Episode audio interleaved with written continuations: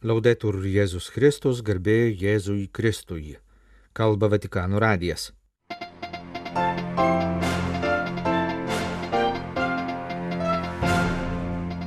Popiežius Pranciškus nori būti palaidotas Romos didžiojoje švenčiausiosios mergelės Marijos bazilikoje.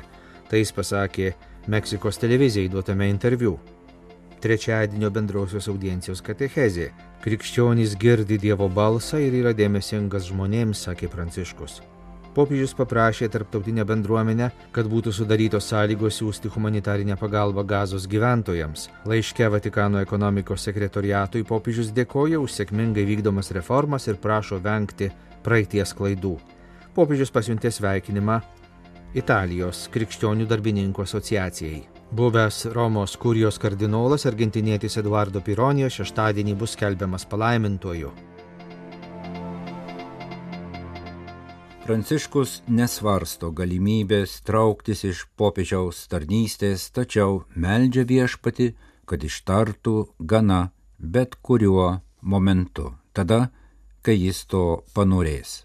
Mintimis apie mirtį, laidojimą ir kitų metų planus popiežius dalyjosi Meksikos televizijos N plus gruodžio 12 dienos transliacijoje Su popiežiumi kalbėjosi žurnalistė Valentina Alasrakį, ilgametė korespondentė Vatikane. Popiežius be kita ko išreiškė norą, kad būtų palaidotas popiežiškojoje didžiojoje švenčiausiosios mergelės Marijos bazilikoje Romoje. Sakė, kad vieta jau paruošta penktąjį amžių siekianti didžioji švenčiausiosios mergelės Marijos bazilika, istoriškai vadinta Marijos snieginės bazilika, yra viena iš keturių popiežiškųjų bazilikų Romos viskupijoje ir pirmoji dedikuota Dievo motinos Marijos garbei, joje palaidoti septyni popiežiai. Pranciškus pokalbėje užsiminė apie savo asmeninį glaudų ryšį su šventove ant Romos ekskvilino kalvos ir joje gerbiama garsiaja švenčiausiosios mergelės Marijos ikona. Esu labai pamaldus į salus populį romanį, kas sekmadienio rytą užeidavau pabūti ten, sakė Pranciškus, prisimindamas savo vizitus Romoje prieš išrinkimą popiežiumi. Pranciškus nuo pirmosios popiežiavimo dienos liudyja ypatingą asmenišką pamaldumą į šioje bazilikoje gerbiamą švenčiausiąją mergelę Mariją, romiečių sveikatą, salus populį romanį.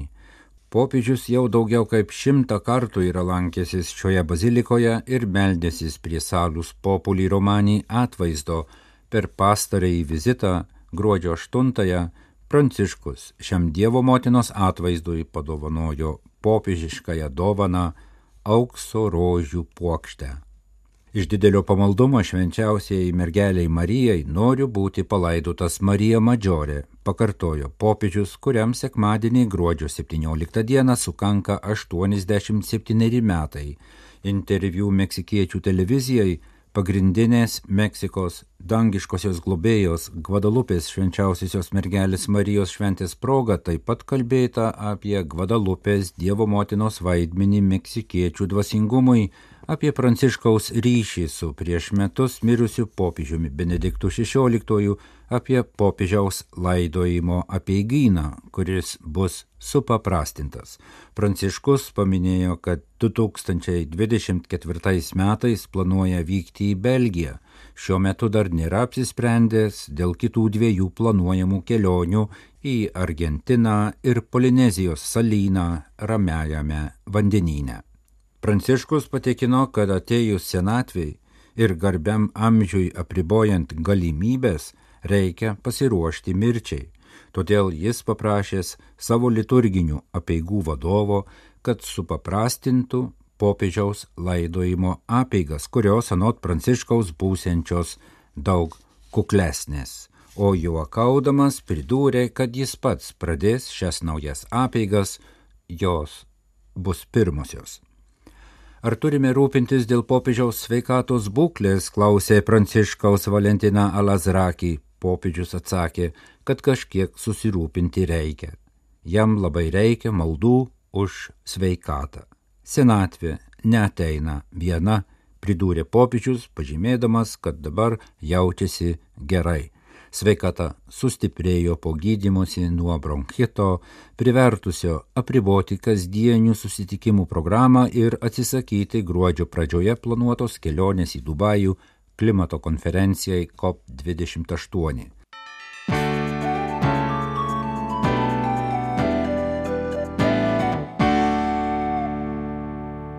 Trečiadienio rytą susitikęs su keliais tūkstančiais piligrimų, popiežius Pranciškus skaitė paskutinę dalį pastarųjų kelių mėnesių bendrasias audiencijas lydėjusios katechezės apie misionierišką į uolumą ir visų pareigas kelbti ir liudyti Evangeliją.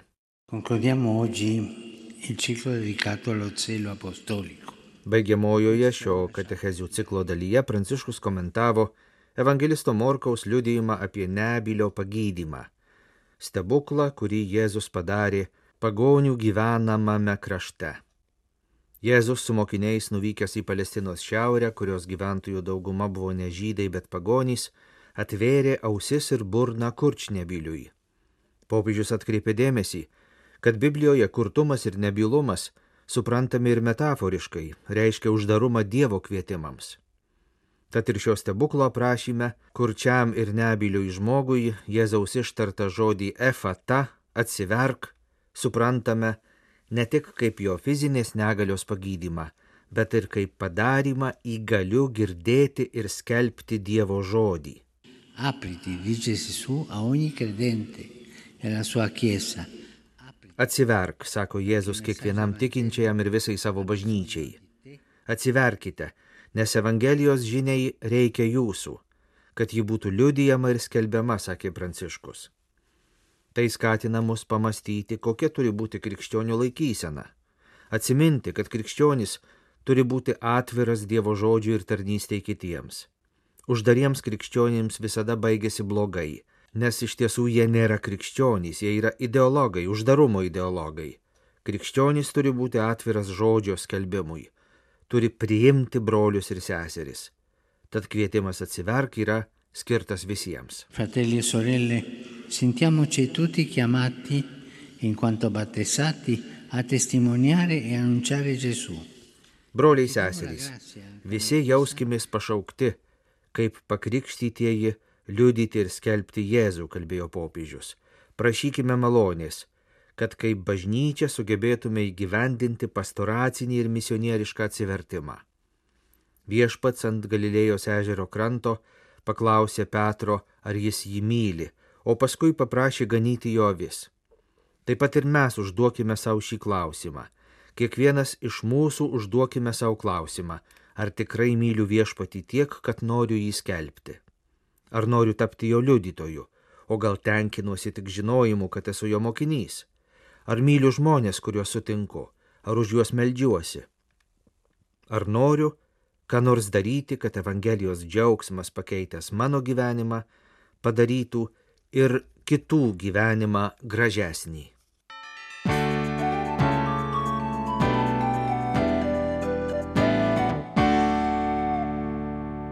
Popiežius prašo sudaryti galimybės humanitariniai pagalbai pasiekti gazos gyventojus. Continuo a seguire con molta preoccupazione e dolore il conflitto in Israele e in Palestina. Toliau su dideliu susirūpinimu stebiu konfliktą Izraelyje ir Palestinoje, sakė Pranciškus per trečiadienio rytą vykusią bendrąją audienciją. Dar kartą raginu paskelbti humanitarinės paliaubas ten tiek daug kančios. Popiežius dar kartą kreipėsi į konflikto šalis, kad atnaujintų dėrybęs ir sudarytų galimybės humanitariniai pagalbai pasiekti gazos gyventojus, kuriems jos labai reikia. Tegul nedelsiant būna išlaisvinti visi įkaitai, tesibaigia didžiulės izraeliečių ir palestiniečių kančios, prašau, ne ginklams, taip taikai. Popiežius taip pat pakartojo prašymą neužmiršti visų nuo karų kenčiančių tautų, ypač Ukrainos.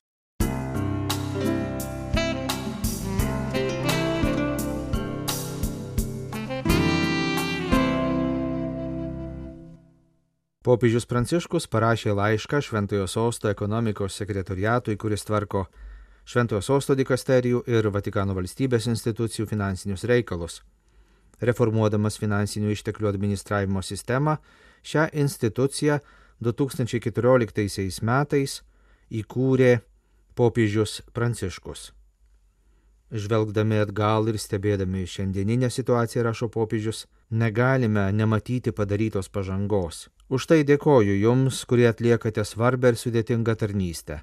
Daug padėkos žodžių yra vertas Jūsų darbas atliekamas siekiant aprūpinti šventai sostą priemonėmis, užtikrinančiomis, kad jo turimi resursai būtų skiriami misijai, užkertant kelią pavojui grįžti prie praeities klaidų, apie kurias visi žinome.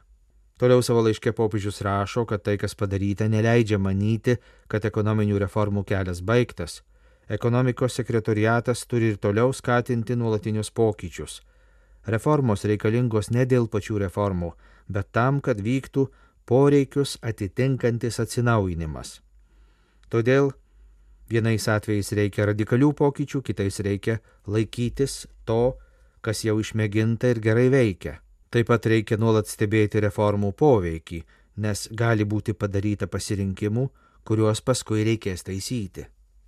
Popiežius pabrėžia, kad pagrindinės savybės, kuriomis turi pasižymėti šioje srityje dirbantys žmonės, turi būti ištikimybė misijai ir apdairumas. Šios darybės turi nuolatos lydėti tvarkant kiekvieną reikalą, kad būtų išvengta mažų ir didelių klaidų. Viena iš didžiųjų klaidų, pasak Pranciškaus, yra formalių dalykų kelimas aukščiau realių. Reikia visada atsiminti, kad taisyklės nėra savitikslės, bet ir neturi likti vietos atsakingųjų asmenų savivaliai. Visi priimami sprendimai turi tarnauti bendrajam gėriui.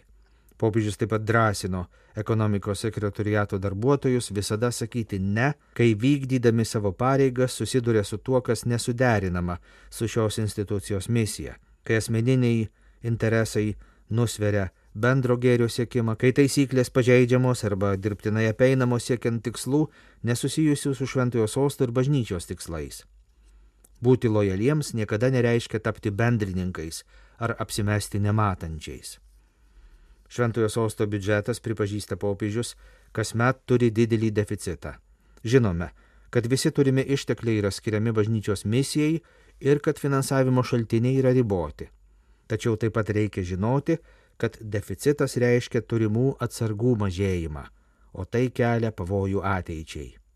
Reikia atidžiai rūpintis turimais ištekliais, etiškai juos investuoti. Biudžetų ir samatų sudarimas turi būti nesterilus buhalterinis užsiemimas, bet privalo atspindėti pastangas lydėti kiekvieno misiją, paskiriant išteklius pagal realius poreikius, kartais net prašant ko nors atsisakyti ir pasidalyti su kitais.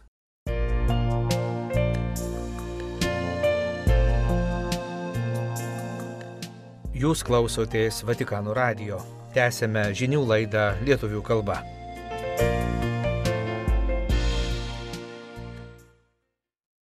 Gruodžio 13-ąją popiežius Pranciškus pasidalijo keliomis mintimis jam brangia tema apie darbą, kuris nėra vien būdas uždirbti algą, bet ir savęs realizavimo bei dalyvavimo visuomenės gyvenime kelias. Sveikindamas Italijos krikščionių darbininkų asociacijos narius, ypač jaunus dalyvaujančius konferencijoje apie darbą Romoje, popiežius pasitelkė statybo aikštelės įvaizdį. Statybo aikštelės rengiamos, kai turima sumanimo apie ateitį, bet kartais jos apleidžiamos ir alsuoja tuštuma, kartais perpildytos ir apimtos karšlygiškos skubos. Tuščia statybo aikštelė dažnai kalba apie darbo trūkumą ir žaizdas, kurią šis trūkumas palieka žmonių rūmai. Šis taip pat žaidžiamas, kai trūksta stabilumo, kai asmenys tarsi eina siauru ir po kojomis nuolatos trupančių taku, jau studijų metu, būdami priversti atsisakyti tokių svarbių gyvenimo pasirinkimų, kaip sukurti šeimą ar sulaukti vaikų. Šituštumas legia, numarina svajones, atima motivaciją. Todėl taip svarbu priešinti šios tuštumos sklidimui daugybės jaunuolių širdise, kurios nebemato tolesnio tikslo, nes jų gyvenimo galimybės įstrigo tų laikinų darbų ir žemų atlyginimų labirinte.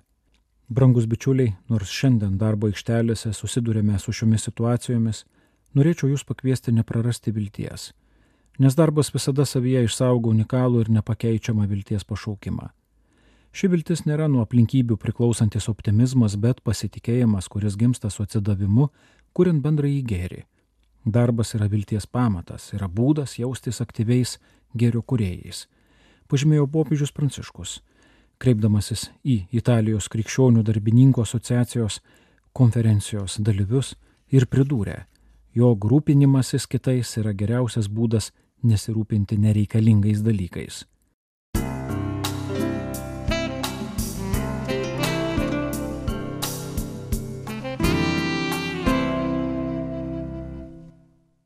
Bažnyčia Argentinoje rengėsi ypatingam įvykiui, dar vieno palaimintojo paskelbimui. Greta 15 argentiniečių palaimintųjų šeštadienį gruodžio 16 dieną į altorių garbę bus iškeltas garbingasis Dievo tarnas kardinolas Eduardo Pironijo. Italų kilmės argentinietis daugelį metų tarnavęs Vatikane buvo artimas Šventojo Jono Pauliaus antrojo bendradarbis. Būtent Lenko popiežiaus ir argentiniečio kardinolo bendradarbiavimo dėka bažnyčioje prasidėjo lygi šiol rengiamos pasaulio jaunimo dienos. Eduardo Pironijo buvo popiežiaus Šventojo Jono Pauliaus antrojo Karolio Vojtylos bendra amžis. Abu dalyvavo Vatikano antrajame susirinkime, abu kardinolais paskyrė popiežius Šventasis Paulius VI, abu dėl einamų pareigų dažnai susitikdavo Romoje Kardinolas Vojtyla, Krokovos arkivyskupas, ėjo vyskupų sinodo sekretoriato tarybos nario pareigas, dalyvavo keliose sinodo asamblėjose Romoje.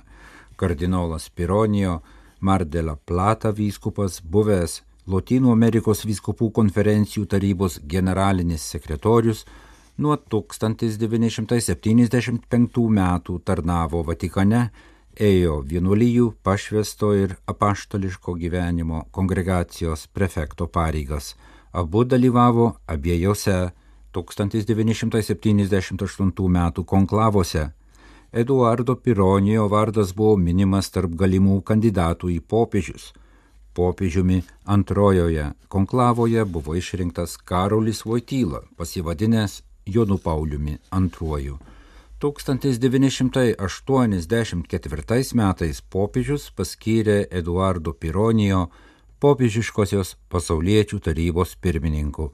Eidamas šias pareigas jis popiežiaus Jono Pauliaus antrojo pavedimu surengė pirmasias pasaulio jaunimo dienas. 1998 metais kardinolas Eduardo Pironijo mirė Vatikane eidamas 77 metus. Jis buvo palaidotas Argentinoje, garsiojoje Luchano švenčiausiosios mergelės Marijos bazilikoje netoli Buenos Airių. Kardinolo beatifikacija šeštadienį gruodžio 16 dieną įvyks šioje Marijos šventovėje. Apeigoms popiežiaus Pranciškaus vardu vadovaus buvęs Eduardo Pironijo sekretorius kardinolas Fernando Vergesas. Vatikano miesto valstybės popiežiškosios komisijos pirmininkas.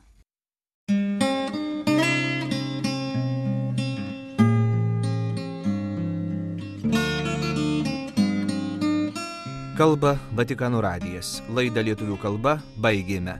Garbėjai Jėzui Kristui, laudetur Jėzus Kristus.